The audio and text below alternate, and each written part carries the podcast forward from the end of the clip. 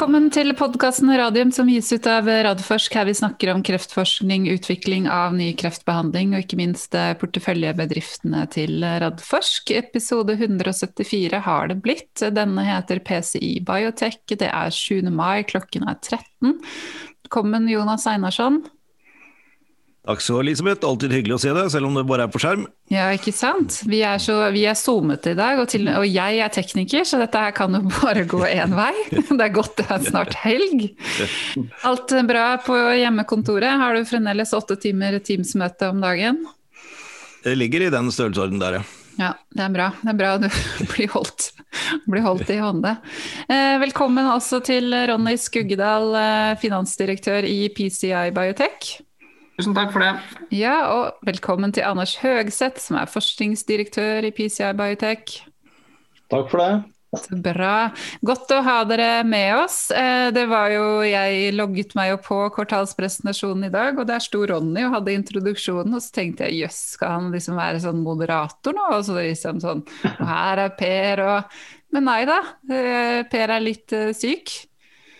Ja, dessverre så ble han akutt eh, syk, så han kunne ikke være med på eh, presentasjonen. Men eh, av GDPR-hensyn så, så, sier vi han er syk, og så lar vi det være med det. Men som jeg sa, han står han av og kommer tilbake.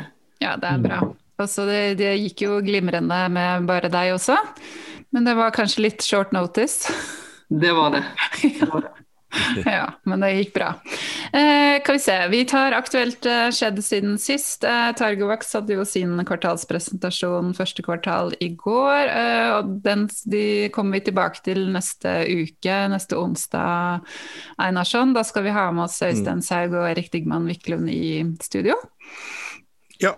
Så da jeg tenker vi trenger ikke si Nei da, det, er, det, var en, en helt, veldig grei oppdatering og spennende å se at planene deres nå begynner å bli veldig tydelige på hva de skal gjøre videre. Så det blir, det blir moro å snakke med dem om. Ja, absolutt. Så hvis dere har spørsmål til det, så er det jo bare å, å sende inn. Eh, ja, og så har vi et par nyheter til, men det er jo da fra PCI Biotech. Vi kan jo begynne med avtalen med sørkoreanske Olix Pharmaceuticals. Eh, Anders, kanskje du kan eh, si litt om den? Ja, det er jo et uh, veldig spennende samarbeid. Olix er et uh, sørkoreansk firma som uh, utvikler SCRNA-terapier. Og de har noen produkter i klinikk, eller i hvert fall ett produkt i klinikk. Og de har også utlisensiert et par produkter som er i preklinikk. Og de arbeider I tillegg så har de også nå et datterselskap som, som skal, skal begynne med mRNA-vaksiner. Og Alle disse områdene er jo ting som passer veldig godt for vår Fimanak-teknologi. Uh, og Spesielt kan du si for Olix så arbeider de innenfor området med, hvor det er lett å belyse, som på hud og, og i øyet. Og også i tumorer. Alt dette er jo steder hvor vi har vist at vi kan eh, øke effekten av nukleinserlevering uh, kraftig. Sånn at Dette ser vi på som uh, veldig spennende. og, og vi starter egentlig samarbeid med at uh, Olix vil gjøre eksperimenter i starten for å, for å, verifisere at vi kan gi en økt effekt av deres, uh, deres produkter. Uh, og Så får vi se hvordan det utvikler seg videre. Planen er, å, planen er å gjøre dette på alle de områdene i arbeidet, både innenfor øye, hud og, og, og for vaksinering med MNA og tumor også. Så, så, dette blir et veldig spennende samarbeid. Vi har akkurat underskrevet avtale, så vi har ikke kommet i gang ennå. Men uh, vi vil da sende reagenser og lampe og sånn til dem, og de, de, gjør eksperimenter selvfølgelig i veldig nært samarbeid med oss. Hmm. Veldig spennende. Da gleder vi oss til å høre mer om det seinere. Um, og så meldte dere vel for en uke siden, var det, at første pasient er innrullert i USA. Har du litt å si om det kanskje, Ronny? Ja, vi har jo venta på det en stund, og det er ikke noe tvil om at USA har vært eh, vanskelig for oss. Nå har vi jo um, gjort eh, en del grep gjennom eh, høsten og utover eh, våren her òg. Og vi har sett effekter av det gjennom økt aktivitet både på screening og enrollment. Og da endelig få en, den første pasienten inn i USA nå i, i april, det var bra. Og så er det som vi har sagt før, at det er seks sykehus i USA av totalt ca. 50.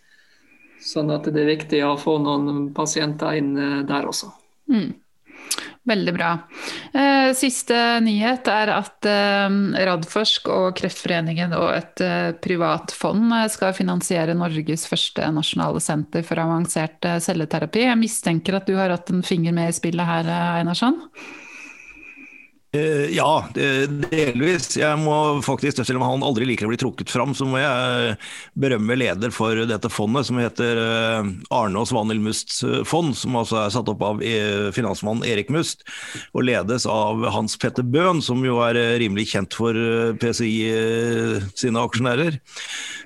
og det er faktisk Hans Petter sitt initiativ, fordi det fondet er satt opp for å gi penger til forskning og, og spesielt kreftforskning. Eh, og så har han vært i en veldig god dialog med miljøet på Radiumhospitalet og, og leder for instituttet, Kjetil Taske. Og så har, de da identifisert det samme som vi har gjort, at det er en flaskehals på at vi ikke kan eh, produsere det som skal til for å, for å drive avansert utvikling av, av cellet, innenfor celleterapi i Norge. Og det er nettopp et sånt uh, senter som, som dette. Uh, og så tente jeg på ideen, og så snakket vi med Kreftforeningen, som også tente på ideen. Så til sammen så er det, det de tre i det giverkonsortiet som da har uh, satt opp 50 millioner norske kroner til å, å, få dette i gang. Det skal gå over en femårsperiode, men planene er mye større enn som så. Hvis vi får dette virkelig til og dette pilotprosjektet fungerer, så ser vi for oss at vi kan også drive med mer eh, avansert produksjon av, av celleterapiprodukter i, i Norge. Så dette syns jeg er veldig spennende. Morsomt å være med på. Mm. Eh, sånn, eh, hva betyr dette her for norske kreftpasienter på sikt? Forhåpentligvis at vi faktisk er i stand til å produsere selv, hvis man skal drive med enten det er CAR-T eller TCR-teknologi. Eh, og, og, få flere kliniske studier av dette til Norge. Og vi har jo et selskap i porteføljen som heter Seluna, som jo også vil, vil eh, ha stor glede av å ha et sånt miljø i Norge, istedenfor å måtte ha det i, i andre land. Mm. Så raskere tilgang til den type behandling og utvikling av nye kreftlegemidler, også innenfor selvterapi, tror jeg dette kan være, være med å bidra til. Så bra. Det var et fint innslag om det på Søndagsrevyen forrige, forrige søndag, eh, med Arne Kolstad bl.a. Arne Kolstad er også ute nå. Akkurat nå så jeg med en kronikk sammen med en del andre kreftleger hvor han er litt eh, irritert på at Norge enda ikke tar i bruk CAR-T-behandling eh, på en del lymfepasienter. Det mm. var et eksempel med en ung dame som måtte reise til Sverige og betale fire millioner av egen krone fordi man ikke kan få den behandlingen i Norge. Så det, ja. Men veldig bra å ha dette på plass, og så får man jobbe med myndighetene på den, på den andre sida. Ja. Mm -hmm. Skal vi se. Eh, da går vi videre til, eh, til, dere i PCI og konsentrerer oss eh, om dere. Um, Anders, jeg tror det er første gangen du er med i podkasten. Det var sannelig på tide. Kan ikke du gi oss en kort introduksjon av deg selv til lytterne våre? Jo, det kan jeg gjøre. Jeg er forskningssjef i PCI Biotek, og det har for så vidt vært siden selskapet ble startet i 2001. Så jeg har 20 års mer enn 20 år tror jeg, bak meg i PCI Biotek. Og Før jeg begynte der, så var jeg også på Radiumhospitalet på Christian Bergs gruppe og, og, arbeidet med PCI-teknologien. Så, så, jeg har arbeidet med den teknologien i nesten 25 år. Uh, før det igjen så jobbet jeg i, i Nycomed, um, i hovedsak i, i Forskningsparken. Nycomed hadde en avdeling der. Og jeg har også arbeidet på Universitetet i Oslo eh, med forskjellige ting. Så det er en veldig kort min eh, livshistorie, eller karriere sånn sett. Eh, I selskapet i dag så, så er jeg mest uh, ansvar for preklinisk forskning. Og selvfølgelig teknologiutvikling og patenter også. Og en god del av disse samarbeidsprosjektene som vi har med, med andre firmaer, hvor vi, hvor vi, gjør ting sammen på den ene eller andre måten. Og vi har jo også folk som arbeider på laben på Radiumhospitalet. Og det er også folk som blir styrt av meg, da, hvor vi gjør alle mulige ting. Det, enten, det kan være at vi utvikler teknologien fra vårt ståsted på områder vi syns er interessante. Det kan være at vi utfører eksperimenter i samarbeid med andre firmaer. Eh, det kan være ting som er viktig for patentering. Og også når det gjelder f.eks.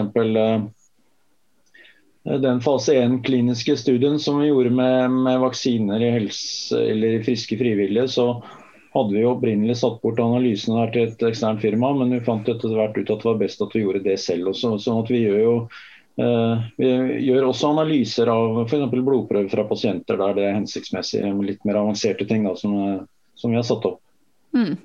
Så bra. Og så er du en racer til å hente ut eh, offentlige midler til støtte for PCI.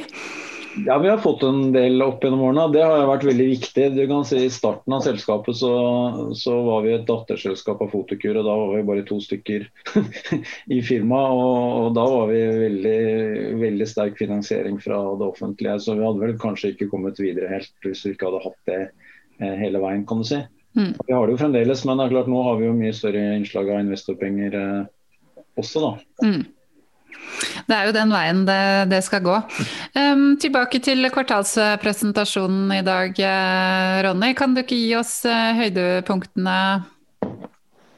Jo, skal uh, prøve på det. Uh, først og fremst da lead candidate uh, Fimakem og release-studien. At vi i første kvartal ser økt aktivitet både gjennom screening og inkludering av pasienter. Og at vi eh, ser at eh, vi har fått effekt fra um, Asia ved at vi har åpna sites i Asia. Den økte aktiviteten ser vi også da i Europa, og også at vi har eh, klart å innrullere den første pasienten da i USA. Men disse initiativene som vi har gjort da gjennom høsten og gjennom våren, forventer vi ikke å se full effekt av før covid er borte. Kanskje ikke for godt, men eh, borte for en stund. Nei, jeg skulle til å si det, at denne coviden forsvinner jo ikke med det, med det første. Men håper å si, hvor lavt uh, smittetrykk uh, tenker dere at det må være før man kan på en måte se en ja, mer sånn normal innrullering, da? Nei, det tør jeg ikke svare på. Det tror jeg er veldig forskjellig. Også fra, fra sykehus til sykehus, hvordan de er organisert og de, de, hvordan de organiserer seg internt. Mm. Så det tror jeg ikke jeg skal eh, kommentere noe mer på. Men det vi gjør da videre, er at ja, nå har vi optimalisert uh, innrulleringa og den biten og åpne opp studien sånn mye som vi kan uten å ta for mye risiko. Så nå går det mer på det vi kaller for uh, regulær trial management. At vi sørger for at de sitene som er med oss nå, vi pusher på dem, og at de uh, er aktive og er deltakende i studien, for å si det sånn. Mm og vi gjør evaluering av dem. Og når vi da finner underperforming sites, så sier vi takk for samarbeidet, og så prøver vi å finne replacements for dem. Og så prøver vi å holde studien rundt 50 sites åpne kontinuerlig. Nettopp. Det høres jo veldig lurt ut. Og det er også, også, ikke bare med tanke på rekruttering, men også dette her med at vi skal sikre opp mot sites at de eh, følger protokoll og prosedyrer, sånn at vi har en god datapakke når vi trenger den. Mm. Så eh, med disse eh, økte aktivitetene og sånn, så beholder vi guidingen for interimanalysen. Så på Fimavac så er den studien som Anders snakka om i begynnelsen, da vi hadde gjennomført inhousa in-house en del analyse på egen hånd. Nå er den da i tidlig januar ble den publisert i en uh, Scientific Journal, Frontiers in Immunology. Og de dataene har vi jo presentert før, men nå er de fully disclosed og uh, tilgjengelig for, for alle som ønsker å og dypdykke i de. Så det, de dataene bruker vi jo da fremover eh, i partnering efforts, men også da for hvordan eh, massere dette sjøl internt. Hvordan kan vi eventuelt ta dette videre til next level med, på egen hånd. Og der har vi da et eget avsnitt i rapporten som vi kaller for 'considerations' for plattformen.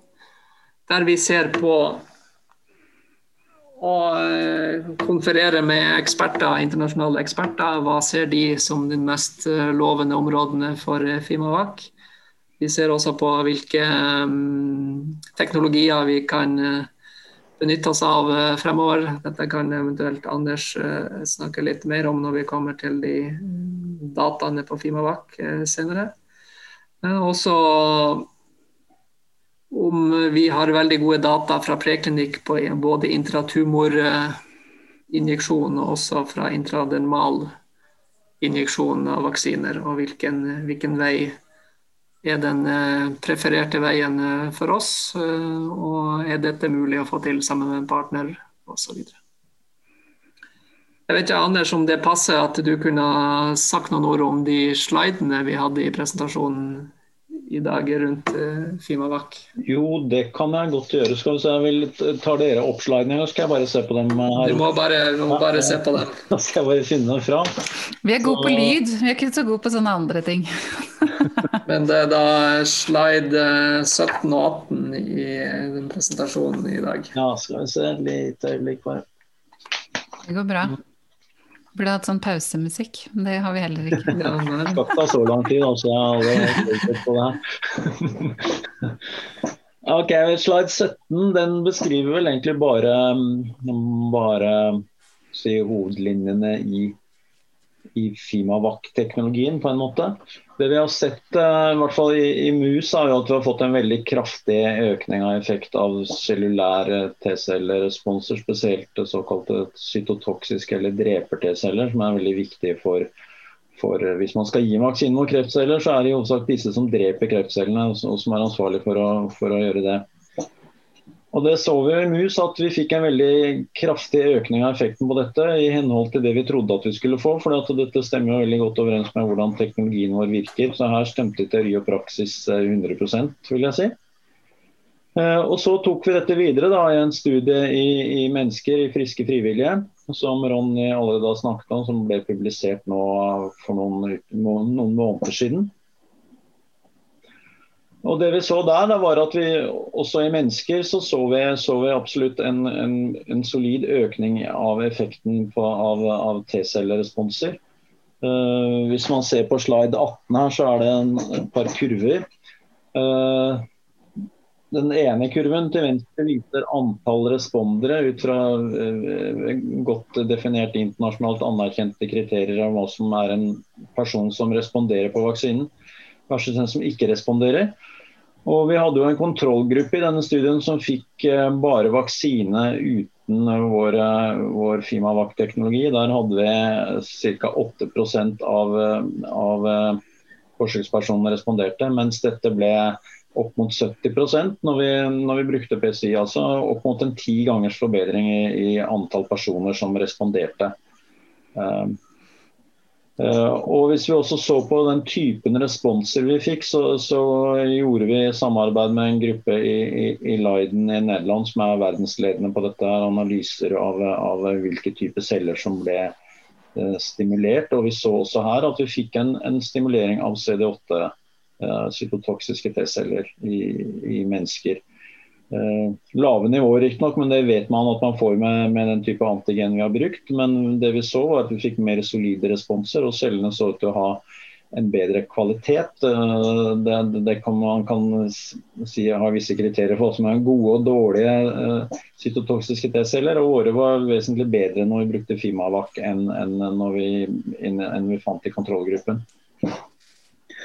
Eh, I tillegg til dette så så vi også vi, Dette var en fase 1-studie, så det var en, en doseeskalering med, med fotosensitizeren. Måten vi gjør dette på, kan jeg si, det er jo bare rett og slett å bare blande vaksinen og fotosensitizer og injisere i huden på, på, på, den som skal vaksineres, og så lyser vi på dette stedet etterpå. Og Vi måtte jo selvfølgelig se på, på, safety av dette, om at vi ikke induserte store kraftige reaksjoner der vi lyste og at pasientene ellers ikke hadde noe, noe alvorlige bivirkninger. og Det fant vi jo ikke. Så i de høyeste dosene, Vi så jo hudreaksjoner rundt vaksinasjonsstedet, det ser man jo vanligvis med andre vaksiner også. Men i hovedsak ved de dosene som var aktive her, så det vi så var såkalt Eritem, at vi fikk et rødt område rundt injeksjonsstedet som så forsvant etter en eller to dager. Så det var ikke noe dramatisk i det hele tatt. Ikke som vanlig vaksine, og i hvert fall ikke hvis man tenker seg å bruke dette i, i kreftbehandling. Så er dette veldig milde bivirkninger. Eh, så som Ronny sa, så ønsker vi nå å, å, se på muligheten for å ta dette videre i kreftpasienter. for det er jo En ting er å gjøre ting i friske personer, men kreftpasienter har jo et immunsystem som er litt annerledes ofte enn, enn det man har i friske personer. Og Man ønsker også å se om, om en vaksinering virkelig kan ha en effekt på eh, kreftsvulstene i pasienten. Så, så, Det er jo ting vi holder på nå med å, med å evaluere hva som er den beste måten å gjøre dette på. Mm. Mm. Når, når, man har gjort uh, fase én i friske frivillige, og så går over til, til, kreftpasienter, kan man da gå videre på fase to, eller må man kalle det en fase én likevel? Nei, Det vi planlegger nå er vel noe vi vil kalle for en fase to-studie, for at vi vil se på effekt osv. Vi har gjort doseeskalering allerede og funnet doser osv. i friske frivillige. og I og med at vaksinasjonen her i hovedsak vil være i huden, så akkurat huden og den lokale effekten når du vaksinerer vil jo ikke være eh, forskjellige kreftpasienter og, og i, i, friske frivillige. Mm, skjønner. Hva er sånn tidslinjene dere har satt uh, for dere selv i forhold til å bestemme? Ja, vi jobber veldig aktivt med det for øyeblikket. Men akkurat hva tids, så, så, det er en prosess som pågår. Uh, jeg vet ikke om du har noe mer å si på det, Ronny? Nei, jeg tror det var riktig svar, Anders. Ja. Så bra. Men uh, dere har jo et program til, uh, Ronny. Fimanak. Ja, og mm. der eh, i eh, rapporten i dag så sier vi det at det var jo ikke noe nytt da. Det var jo kjent at vi har presentert disse dataene i februar på en, en konferanse, en UK-basert uh, konferanse. Og en del av de resultatene hadde vi da også da med i presentasjonen i dag videre bak på slide 22 i presentasjonen. Så da modererer jeg det tilbake igjen til Anders. Ja. Ja, dette er noen av de dataene vi presenterte på det møtet som Ronny snakket om. og En god del av dette er jo generert i et samarbeid med AstraZeneca, som pågikk gjennom en del år. Eh, hvor vi ønsket å se på om PCI kunne øke effekten av levering av, av mRNA. Eh, og så vi se fra den altså Måten vi har gjort dette på, kan du si, er at vi har har igjen omtrent som gjorde i vaksinering. De tatt og blandet eh, fotosensitizeren vår og mRNA og injisert på forskjellige steder i en mus. Og Så har vi lyst på noen av områdene og ikke lyst på andre. Og Så ser vi om vi får en økt effekt av, av, av mRNA-levering der vi lyser, eller der vi gir ved, si, den fotokjemiske behandlingen vår. da. Og Måten vi gjør dette på er veldig enkel. Vi, vi, vi bruker et mRNA som kode for noe som heter luciferase, som er det enzymet i, i ildfluer som uh, produserer lys. Sånn at uh, Hvis musene har klart å lage dette proteinet, så lyser de. Da kan vi putte dem inn i en maskin, og så ser vi om det lyser mer eller mindre. Og så måler vi lyset. Og Når vi har gjort dette, da, så ser vi veldig tydelig på alle de tre stedene vi leverte. Vi prøvde å levere dette i hud som er relevant for eh, behandling av hudsykdommer, men også for vaksinering f.eks. Og Vi prøvde å injisere det i muskel, og vi har injisert det i tumorer. og I alle disse tilfellene så, så vi en kraftig økning av eh, effekten eller eh, effektiviteten i mRNA-levering når vi brukte PCI versus hvis vi ikke brukte PCI. Um, I muskel var denne effekten kanskje ti gangers forbedring, i hud var det stort sett rundt 30 ganger. Og i tumorer så var det eh, opp mot 50 gangers forbedring. Uh, og det var da hvis vi målte det mot uh, si mRNA injisert uten PCI. Jeg må si at det, jeg snakket om til nå er jo mRNA som leveres som et nakent molekyl. Altså Du leverer bare mRNA-molekylet. Hvis man tenker på det folk gjør nå i covid-vaksinering f.eks., så bruker de såkalt lipidnanopartikler. Dvs. Si at de pakker mRNA-en inn i en partikkel. Nettopp for å få bedre opptak og få beskyttet den mot å bli ødelagt av, av enzymer i kroppen. Men det vi gjorde da i samarbeid med AstraZeneca, var å sammenligne PCI med nakent mRNA. hva vi, effekten vi fikk med det, og sammenligne det med deres lipidnanopartikler for å levere dette inn i en tumor. Og da igjen så vi at vi fikk en veldig mye bedre effekt med vår teknologi, eh, med nakent-mRNA, enn det vi klarte å oppnå med lipid-nanopartikler. Igjen opptil 50 gangers bedre effekt. Og jeg kan også si at Dette var eksperimenter vi gjorde her, men de ble også gjentatt. De, AstraZeneca gjorde også de, de, samme eksperimentene i sine egne laboratorier og fikk nøyaktig samme resultat. Sånn at dette er resultatet vi stoler 100% på. Mm. Mm. Kan, kan vel si det, Anders, at det kanskje hadde vært lurt av AstraZeneca å gå videre med den teknologien fremfor den teknologien ja. de valgte i sin vaksine? det kan si, men Problemet var, er jo ikke sant, AstraZeneca jobbet uh, da vi avsluttet dette, da vi kom dit uh, vi kom til slutt, så arbeidet ikke de med mRNA-levering til tumorer, men det de driver med er å levere mRNA inn i hjertemuskel. Og og Det kan vi kanskje også forbedre, men eh, de, men de kjører jo en klinisk studie som allerede er igangsatt. og De var ikke interessert i å gå inn og gjøre noe med den. De ville avvente resultatene av den studien først. og Så kunne de eventuelt komme tilbake til å se på om vi kunne gjøre noe mer etterpå. Så Det er sånn, sånne ting man alltid har med de store legemiddelselskapene. De har sine egne strategier. og, og Man må komme inn på en nøyaktig riktig sted på riktig tid mm. uh, med nøyaktig riktig teknologi. og Det er ikke alltid sånn det ender opp, dessverre. Men vi har jo et aktivt samarbeid med AstraZeneca nå om å skrive en uh, publikasjon på dette. Som vi skal uh, sende ut uh, om ikke så lenge, håper vi. Så, så er, Vi har fremdeles god kontakt med dem, og, og de er veldig interessert og syns dataene var veldig bra. Det var bare at det passet ikke inn akkurat der og da for dem. Nei, de har jo ikke en eh, mRNA-koronavaksine. Det er, noen, det er noen andre som har det. det har de heller ikke. Men du Einarsson, hva, hva tenker du om, eh, om resultatene som PCI har eh, lagt frem i dag? Nei, Jeg syns eh, det er liksom litt sånn eh, som vi kommenterte også tidligere med Nordic Nanovektor, at eh, til tross for en kraftig kilevink fra covid-19 og, og, alt det de gjorde, så syns jeg at alt tyder på at de nå er, er, back on track. og Både med, med release-studien eh, og også da med, med, Veldig spennende å høre hva de lander på på Fima-siden, med, med, eventuelt med kreftvaksine. Jeg er jo litt innblandet i noen andre selskaper som jobber med kreftvaksiner også. Så det er veldig spennende litt, så det er veldig spennende å følge.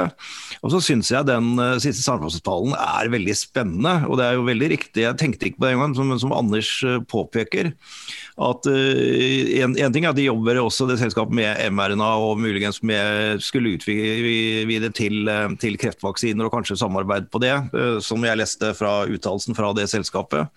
Men også da at de jobber med, med si, hud og hår. Og, og, det gjør jo hele belysningsprosessen så utrolig mye enklere. Da. Og så tenkte jeg sånn med en gang Ok, eh, alopeci som det heter, altså det er sånn eh, hårtap. Det, dette håret detter av i flekker, og hvis de skal jobbe med det, er det, er det noe sånn voldsomt stort marked? Og så kikka jeg litt på tallene, så det, ja, det er jo det. Så, så jeg syns dette er veldig spennende, spennende, samarbeid. Og ikke kan jeg noen ting om hvordan man utvikler dermatologiske produkter, men jeg vil jo tro at uh, veien frem vil jo være, er vel atskillig raskere enn det vi når, vi når vi jobber med kreftbehandling. Sannsynligvis. og du kan si at Det fine nå med vår Fimanak-teknologi også er at vi kan eh, vi gir den i hud og vi lyser og vi ser ingen det. Men vi bruker så lave doser at det skjer ikke noe altså, Det er ingen bivirkninger i det hele tatt. Så, så for den type applikasjoner som hår, hårvekst og, og også si, revisjon av, ska, eh, av arr, som de også driver med, så burde dette være helt utmerket uh, synergi, tror jeg. Ja, det er litt, litt morsomt da, Anders, at ringen er litt sånn slutta. Anders, ja. Anders sa jo at han har jobba, der i 20 år, så det var jo en av de første tingene jeg gjorde, var jo å fremforhandle avtalen mellom Radforsk og PCI eh, som datterselskap av, av, Fotokur. Så vi har jo jobbet ganske mye sammen. Og så er jo da litt, litt sånn ringen slutta, da. Så vi startet, vi startet jo med hele PDT slash PCI-teknologien med nettopp hudbehandling med det, det første produktet til, til Fotokur, men, men, da med PDT. Og nå, nå er liksom ved siden også kommet til, til, det samme området, så det er litt artig. Ja, Det er veldig artig. Det, det vi, gjør, vi, gjør, jo helt forskjellige ting. kan du si.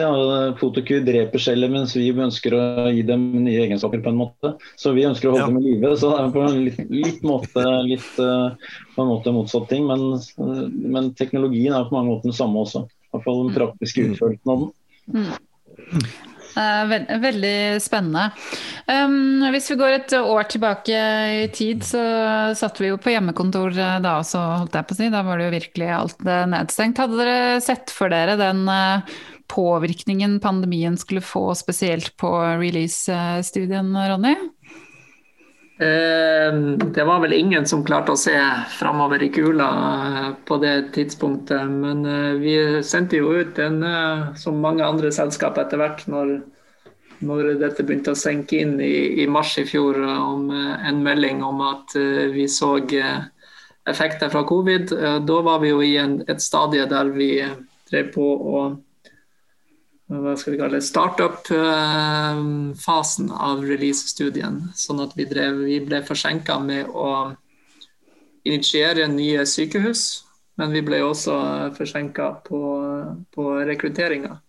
Men uh, sånn timingmessig så uh, var det jo et Det er aldri gunstig, men et, et uh, et minst vondt tidspunkt at dette kom, siden vi var i en oppbygging. Og da hvis du ser på rekrutteringskurver, så er de alltid ganske flate i starten. Mm. Og vi var i denne flate startperioden. Mm. Så hvis, hvis, man skal trekke noe gunstig ut av det, så må det være tidspunktet for release-studiet. Mm. Mm. Det er bra. Det er vel klo en klok mann som har sagt at man skal alltid se noen muligheter i en, i en krise. Jeg vet ikke om det var Vincent Churchill, jeg syns det er alltid han som opphav til sånne sitater.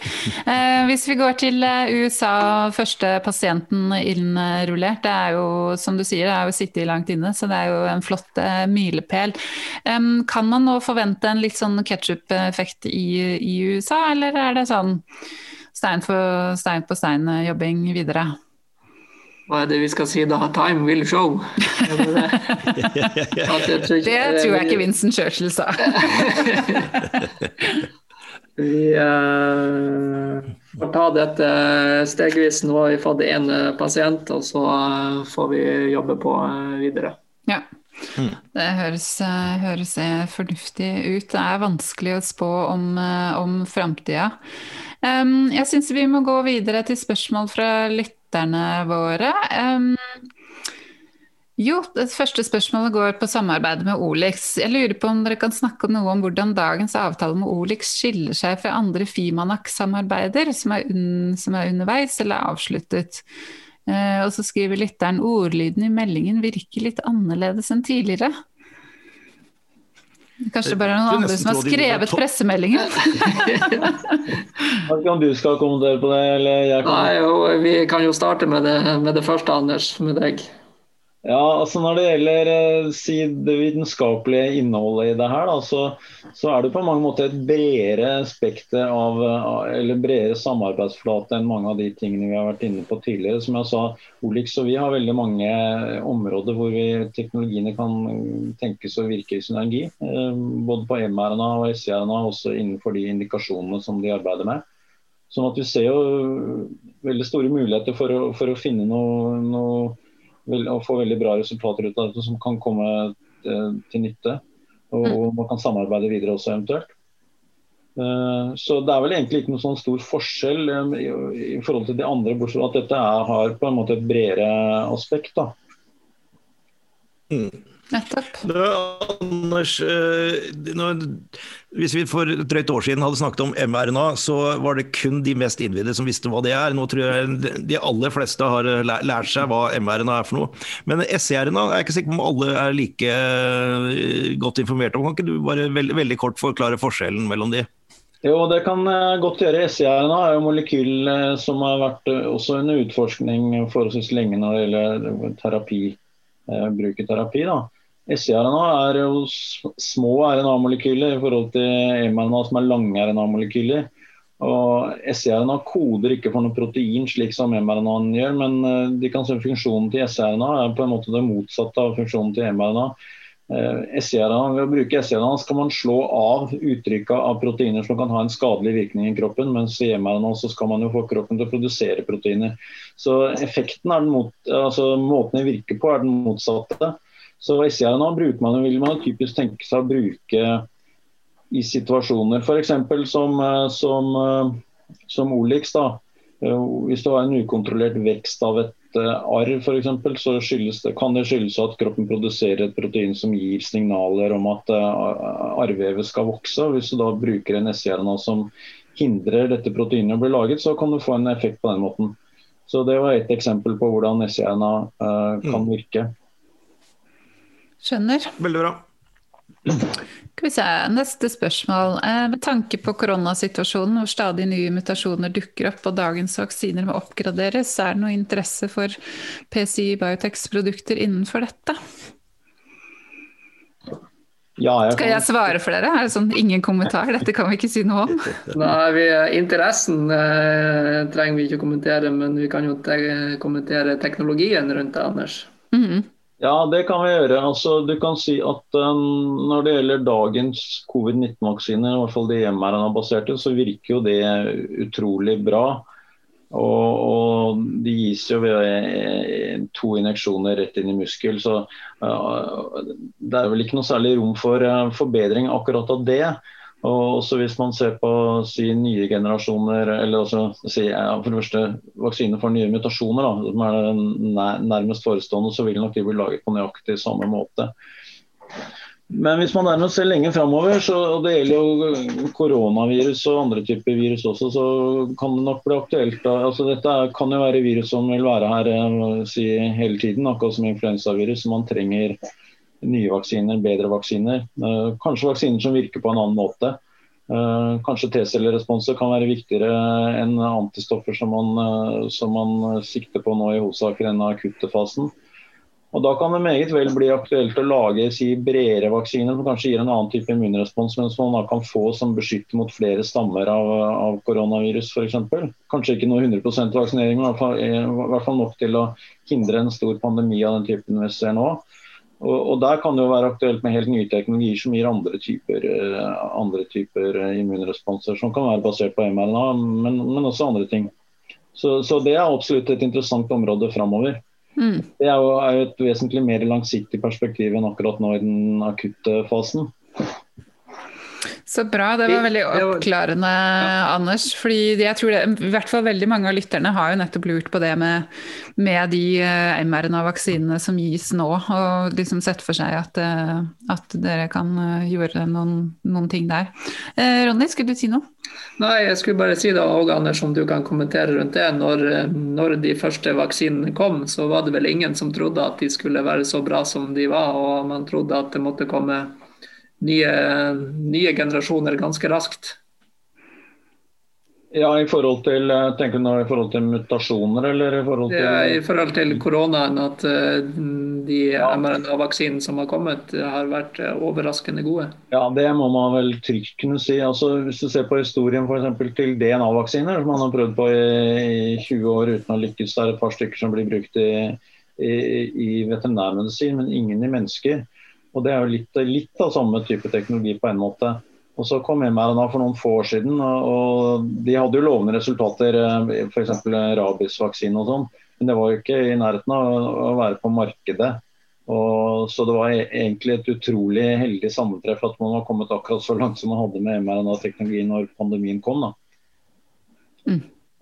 Men det er jo i stor grad kanskje også si akkurat for den typen vaksiner, utvikling av disse lipidnanopartiklene, som også har, har, hjulpet veldig på akkurat det. da, som, som, kan brukes til det, men som ikke nødvendigvis er optimale for andre måter å bruke mRNA på. Mm. Det er bra. Skal vi se Jeg hadde spørsmål til um... hva, hva, var det uh, Jo, Uh, spørsmål til morgendagens podkast. Det har over meget lang tid blitt signalisert at man vil ta et strategivalg innen Fimavac. Hva er status nå, og når vil man lande en endelig beslutning om hvordan man vil gå videre med en fase to-studie? Det har vi jo vært innom. Det jeg vet ikke om dere har noe mer å tilføye der? Nei, og Strategien ligger jo fast at vi ser både på mulighetene for uh, å gjøre dette sammen med en partner, og muligheter for å gjøre dette internt. Ja, ja. Mm. Mm, så bra. Eh, men da sier jeg eh, god fredag og god helg, og tusen takk for at eh, dere var med oss. Og så må dere hilse så mye til Per når dere snakker med han. Neste ukes er en kort uke. Det er tre arbeidsdager, i hvert fall i min verden hvor skolen er stengt på fredag. Men vi skal ha to podkaster på onsdagen, Einarsson. Først Targovax, mm. og så Ultimax. Ja. Jepp. Du er klar? Det blir spennende. Jeg er klar. Ja, det er bra. Flott. Takk skal dere ha. I like måte. Ha det bra.